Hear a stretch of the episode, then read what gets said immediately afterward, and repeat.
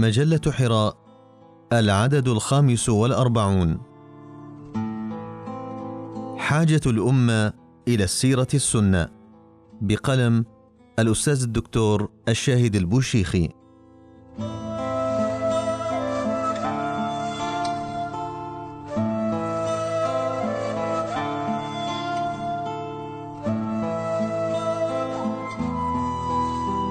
لم تكن الأمة في ظرف من ظروفها التي مرت بحاجة إلى ما أسميته بالسيره السنة كما هي بحاجة إليه اليوم.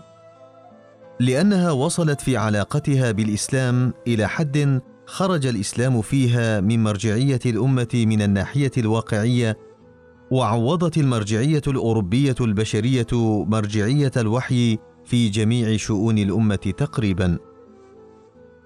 والأمة نفسها إنما ننطق بها اليوم مجازا وإلا فلا أم يؤم ولا إمام يؤم ولا وجود للجمع كله ماموما من إمام يؤم قصدا موحدا يقوم على الوحي. هذا لا وجود له في العالم الإسلامي اليوم وإنما قطع غيار متناثرة في أماكن شتى من العالم وبقايا من هذه الأمة. لكن لا تزال طائفة قائمة بالحق. لن تزول ولن تنتهي حتى تقوم الساعة والحق حجته باقية في الأرض قد يضعف ولكنه لا يزول ولن يزول. ما يحدث الآن هو بمثابة سماد للحق وبمثابة تقوية لهذا الحق حيث جعله ينطلق على أساس متين ويعيد بناء الإنسان بناء جديدا يشابه من جوانب متعددة المسلم الأول في الجيل الراشد في خير القرون. ولكن مسلمي اليوم لن يبلغوا ذلك اليوم إلا بعد بلاء عظيم يمحصون فيه تمحيصا بأشكال مختلفة من البلاء. ولكن الخير كل الخير في ذلك للأفراد وللأمة في النهاية. إنما نسميه بالسيرة النبوية فيه السر. ولكنه لم يعد الاعداد العلمي قبل ليحل الإشكال بسرعة بعد. ومن ثم يمكن تلخيص الموجبات اليوم باختصار في ثلاثة. اولا الحاجة العامة للبشرية إلى النموذج الكامل في الآدمية. ليس في الإنسانية بل في الآدمية لأن أغلب ذكر الإنسان في القرآن يأتي في سياق الشر وفي سياق الذم. والحالات التي ذكر فيها في سياق المدح قليلة جدا. فكلنا اذن أبناء آدم النبي عليه السلام.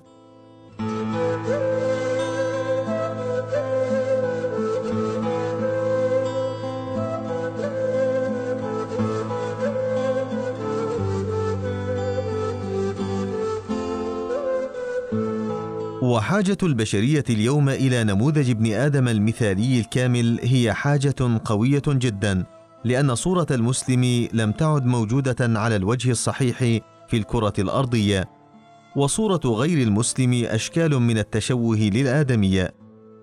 فالبشرية تتخبط، والمسؤولون الأوائل هم من يسمون بالمسلمين، لأنهم حجبوا عن الناس الحق بأشكال متعددة من الحجب، سواء في الفهم السيء أم في الممارسة السيئة أم في التدين البالغ السوء. إنهم منعوا الناس من رؤية الحق في الصورة البهية النقية. والحاجة إلى السيرة النبوية الصحيحة الشاملة الكاملة حاجة قوية لتحل هذا الإشكال للبشرية اليوم. لتحله عندنا نحن المسلمين اولا ثم لتحله عند غيرنا. ثانيا حاجة الأمة إلى المنهاج الأمثل للخروج من الظلمات إلى النور ولإخراج الناس من الظلمات إلى النور. ونحن ما زلنا لم نستطع الخروج ويوم نخرج نستطيع الإخراج بإذن الله تعالى. السيرة فيها السر أي السيرة النبوية الصحيحة الكاملة الشاملة. ثالثا حاجة العلماء إلى سيرة صحيحة شاملة كاملة واضحة يروونها. لقد نزل كتاب الله عز وجل وجمع وصار في مصحف ثم جمعت سنة رسول الله صلى الله عليه وسلم على مراحل ثم بدأ جمع السيرة قصة رسول الله صلى الله عليه وسلم. فالعناية تدرجت حسب هذا السلم. العناية بكتاب الله اولا له الصدارة. ولذلك بين أيدينا كتاب الله بالتواتر اللفظي. ثم هناك بعد ذلك العناية بسنة رسول الله صلى الله عليه وسلم ومن بعدها العناية بسيرته عليه الصلاة والسلام. ولم تحظى بمستوى العناية التي حظيت بها سنته فليس بين أيدينا في موضوع السيرة ما يشبه صحيحي البخاري ومسلم. فالحاجة العلمية إلى جانب الحاجة الحضارية لهذه الأمة إلى جانب الحاجة العامة للبشرية كلها من الموجبات التي تدفع أهل الغيرة دفعا إلى أن ينخرطوا في المشروع انخراطا كليا لإنجاز السيرة السنة. ما المقصود بالسيرة السنة؟ السيرة فعلة من السير واسم هيئة أي الكيفية التي تم عليها السير أي الحالة التي كان عليها السير وهي ها هنا بالنسبة للرسول صلى الله عليه وسلم قصته كقصة بقية الأنبياء.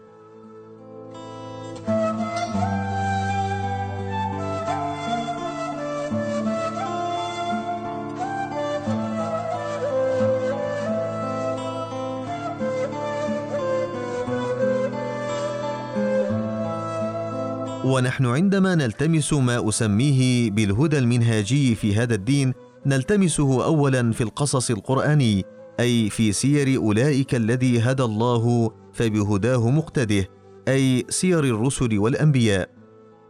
فهناك منهاج إخراج الناس من الظلمات إلى النور كامن وقد اقتدى به الرسول صلى الله عليه وسلم كما أمره الله في عدة مناسبات واضحة جدا. في مناسبة فتح مكة قال كما يقول يوسف عليه السلام لا تثريب عليكم اليوم يغفر الله لكم.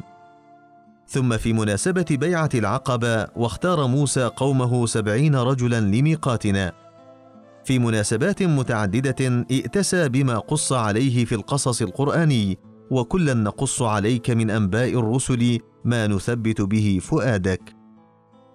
ولكن القصة الأكبر والأضخم والتي تمثل النموذج الأكبر للتجربة الأعظم التجربة الخاتمة الكاملة الشاملة التجربة التي لم تقتصر على مرحلة بعينها من حياة الإنسان الفردي أو حياة الإنسان الجماعة، ولكن تجربة كاملة لإخراج أمة بكاملها من الظلمات إلى النور وتأسيس أساس للبشرية حتى قيام الساعة تسترشد به وتستهدي به.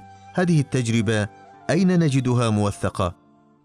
نجدها في سيرة ابن إسحاق وابن هشام في المغازي وفي الكتب المختلفة للسيرة، ولكن بهذا المعنى الذي أتحدث عنه لا نجدها، بمعنى أن كل ما فيها صحيح ولا تقتصر على جانب بعينه من أمر رسول الله صلى الله عليه وسلم وسننه وأيامه، بل تشمل كل ذلك منذ ولد، وذلك يدخل في منهاج الإعداد، حيث أعد ثلثي الوقت لينجز وينفذ في ثلث الوقت. أي أربعون سنة من الإعداد وعشرون سنة من الإنجاز. توجد نصوص كثيرة صحيحة صريحة بأن عمر النبي صلى الله عليه وسلم ستون سنة أربعون منها قبل البعثة وعشرون بعدها عشرة بمكة وعشرة بالمدينة. وهناك المعروف والمشهور وهو ثلاث وستون سنة على أساس أن الثلاثة هي مرحلة الدعوة السرية وعشر للصدع بالدعوة بمكة وعشر للصدع بالدعوة بالمدينة.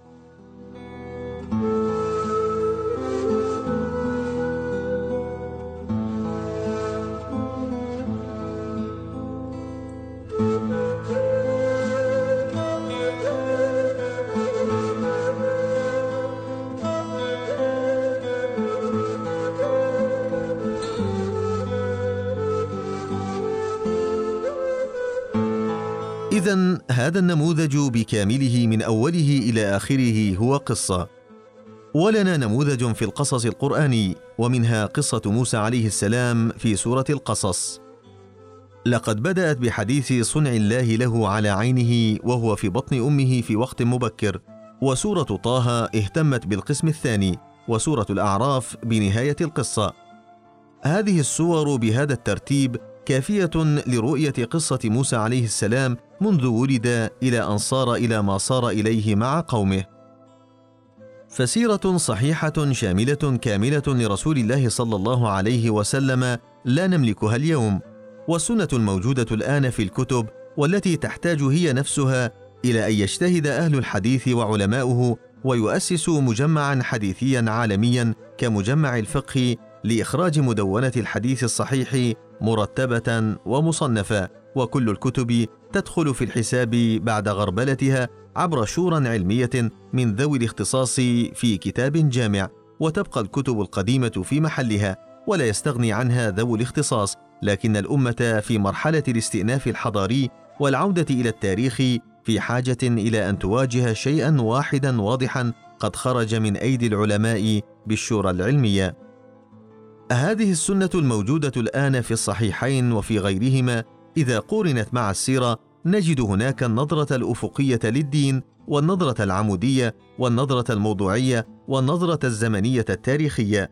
إن القرآن نزل أول ما نزل منجما مفرقا وقرآنا فرقناه لتقرأه على الناس على مكث ونزلناه تنزيلا.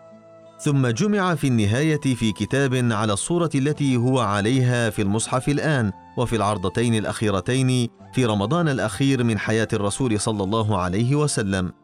الصورة التي بقي عليها الكتاب كما هو كانت لها صورة أخرى في علاقة النص القرآني بالتاريخ وبالمكان والزمان. المنهج الذي اختاره الله ليحل به الوحي في الواقع هو مقتضى ترتيب نزول القرآن الكريم. ولم يبق لنا بغاية الدقة كما كان أول مرة لأن تلك الصورة بذلك الشكل لا يمكن أن تلزم به الأمة لتغير الزمان والمكان والإنسان فيحتاج الأمر إلى اجتهاد. لكن المعالم الكبرى مهمة جدا وهي باقية. القرآن وهو ينزل على نبيه ذلك البيان حين عزل عن التاريخ صار سنة وجمعت النصوص وصنفت وصارت بعد مرتبة على الموضوعات وكل رتبها على طريقته. وعلى كل فالترتيب الذي صار مشهورا بعد ذلك هو الترتيب حسب الموضوعات. فإذا أردت أن تعرف الإسلام عن طريق السنة تجد هذه المواضيع أمامك. لكن الترتيب الذي كان لتلك السنة نفسها والرسول صلى الله عليه وسلم ينطق بها أو يفعلها أو يقرها كان ينبغي على ذلك الترتيب أن يكون في السيرة. ولكنه بتلك الصورة الصحيحة الشاملة الكاملة لم يكن وهو ما أقصده بالسيرة السنة أي السيرة التي تمثل السنة لكن بصورة زمنية في صورة مرتبطة بالمكان والزمان وفي شق تاريخي دقيق. كل حادثة بعد التي تليها بالضبط أي نص من النصوص الواردة ينبغي أن نلتمس له بدقة مكانه في النسق التاريخي لزمن السيرة لنحصل في النهاية على هذه القصة الكاملة النموذجية لأكمل نبي وأعظم رسول صلى الله عليه وسلم.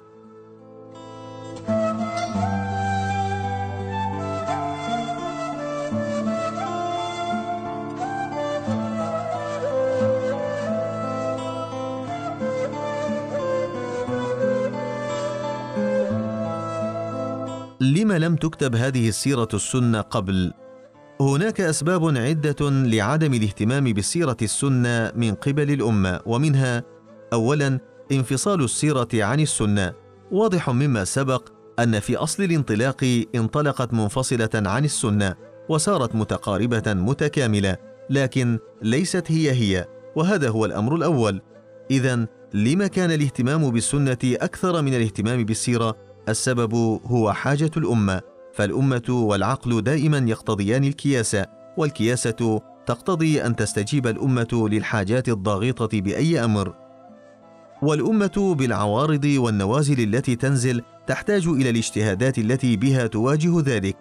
فما كان تابعا للقضايا الجديدة النازلة بالأمة في توسعها وتنوع أجناسها وقع الاعتناء به والاجتهاد فيه لاظهار الإسلام في صوره النقية النموذجية الكاملة الموضوعية.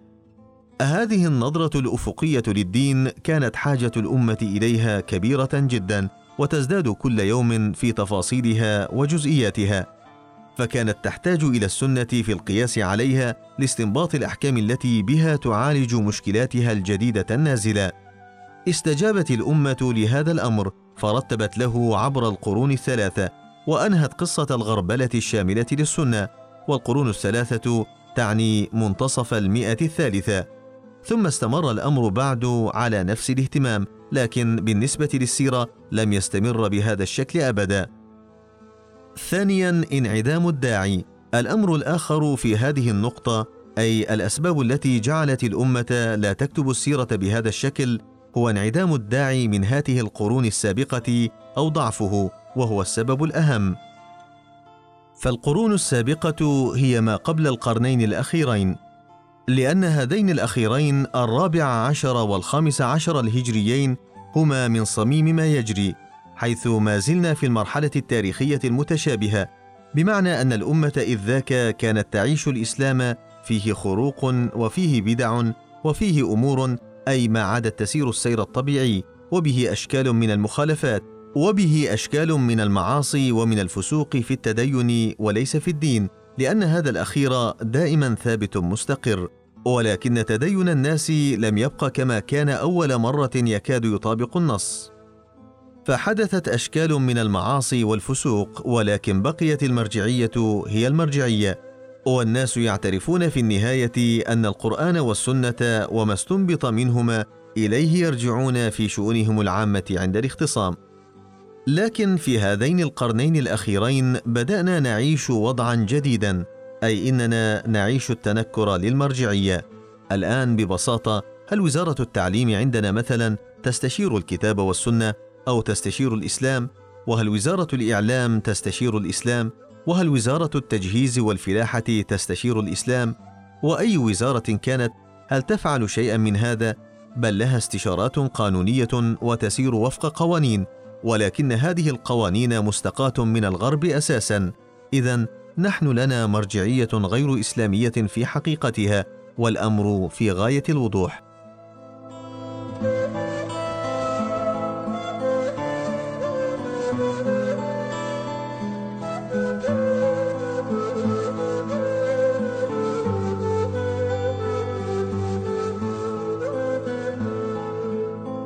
حين حدث هذا بدأ الغيورون على حال هذه الأمة يتلمسون الطريق وهذا ما يقف وراء ظهور بعض المحاولات في القرن الأخير لتفسير القرآن الكريم وفق ترتيب النزول كحال محمد عز الدروزه وحبنك الميداني وحال غيرهما سواء عند السنة أو عند الشيعة فهناك محاولات تتلمس الطريق نحو القصة الأم قصة رسول الله صلى الله عليه وسلم.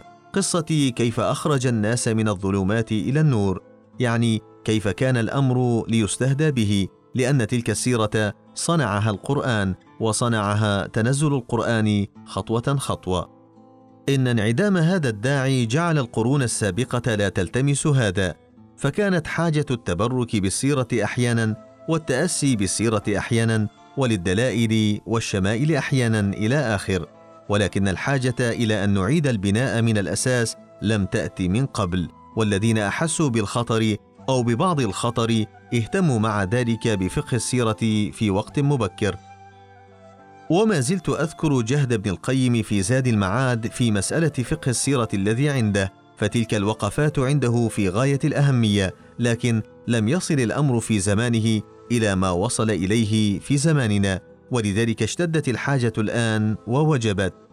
فنحن بحاجة الآن إلى منهاج حقيقي نراه في تجربة رسول الله صلى الله عليه وسلم صحيحا قابلا لأن يستنبط منه الاستنباط الفقهي باطمئنان.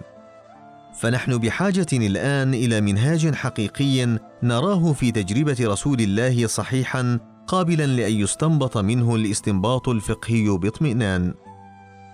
هل يمكن اليوم كتابة السيرة السنة؟ أزعم أن نعم وقد كانت محاولات للأفراد وللمؤسسات.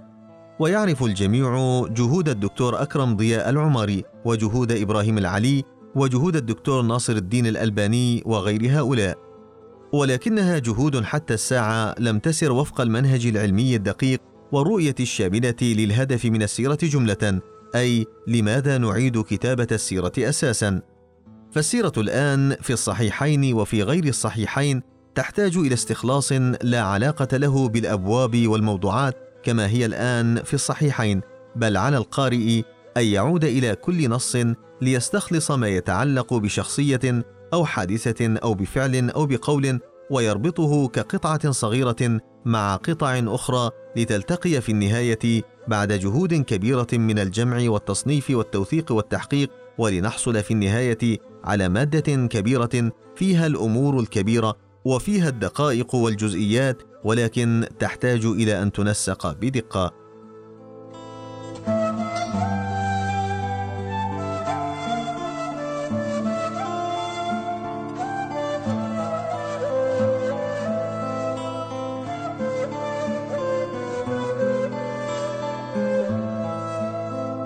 ويسهم في العملية متخصصون في هذه العلوم أساسا في القرآن الكريم وفي الحديث الشريف وفي السيرة النبوية. وإذا قلت السيرة دخل معنا أهل التاريخ لا سيما الذين يهتمون بالسيرة. لكن نحن بالدرجة الأولى تعنينا قصة رسول الله صلى الله عليه وسلم. كل ما كتب فيها بأشكال مختلفة يستخلص منه ما له علاقة ثم يخضع لمنهج أهل الحديث. يعني إذا كان له سند فالسند يدرس فنخرج الحديث ونرتب رتبته وإذا لم يكن له سند فكيف يتعامل معه؟ وهل يوجد ما يعضده أم لا إلى آخر؟ ولكن الجهود تتكامل وتتضافر من قبل أهل القرآن وأهل الحديث وأهل السيرة. وأقول أهل السيرة مجازا وإلا فأهل السنة هم أهل السيرة وأهل السيرة هم أهل السنة. فالسنة الموجودة هي نفسها السيرة معزولة عن الزمن والسيرة الموجودة هي نفسها السنة معزولة عن الموضوعات. لكن لم تعد السيرة بنفس الطريقة التي أعدت بها مادة السنة فاختلفتا هذه المصادر بصفة عامة هي المراحل الأساسية مرحلة الجمع والتوثيق وتكون طويلة وكثيرة ومهمة لأنه لا بد من حصر المدونة وحصر الكتب التي تدخل ويرجع إليها. وستواجهنا عقبة المخطوطات ولا شك ولكن على الأقل نعد المشروع انطلاقا من المطبوع ونرتب الأمر للمخطوط ونعد العدة لمسألة ما أسميه بمعضلة النص وهي قضية كبيرة ليست في السيرة وحدها بل في مختلف العلوم الإسلامية. أما إشكال النص أي الإعداد العلمي للنص فحتى الساعة لم يتيسر ونسأل الله تيسير أسبابه فالجمع فالتوثيق ثم التحقيق والتدقيق للجزء والكليات والجزئيات ثم التصنيف والتأليف. هذه المراحل واضحة كبيرة. خاتمة القول. يجب الشروع في مشروع السنة السيرة. اولا نحتاج إلى بلورة لهذا المشروع بوضوح. ثم إننا نحتاج إلى رجال يحترقون غيرة على الأمة وعلى واقعها وعلى مستقبلها.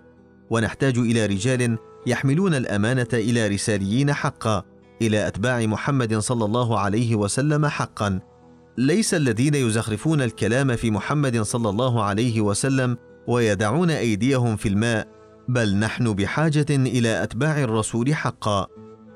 فهذا المشروع يمكن أن يبلور بيسر إن شاء الله تعالى إن وجد من ينهض بهذا الأمر. وما أحسن أن تتخصص كل جهة في قضية من قضايا الأمة لتستطيع النهوض بها ولا تضيع الوقت.